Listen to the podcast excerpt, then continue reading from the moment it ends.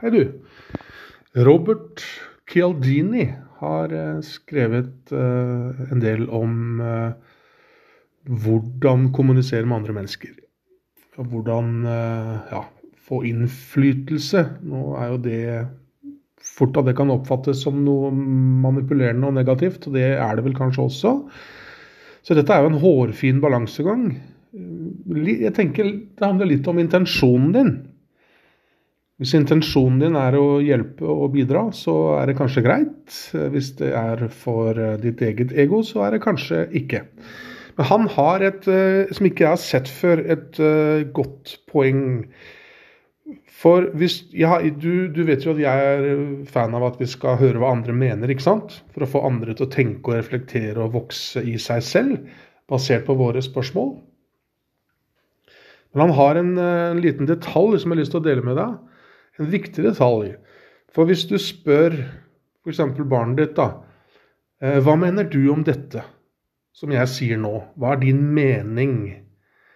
Eh, holdning, mening til dette? Så kan vedkommende fort komme opp som en kritiker. Fordi han eller hun blir værende på utsiden av avgjørelsen når du spør om deres mening. Og da, ved å bruke ordet mening, så kan det skje. Det Chialdini sier, er at det er mye bedre å spørre om et råd.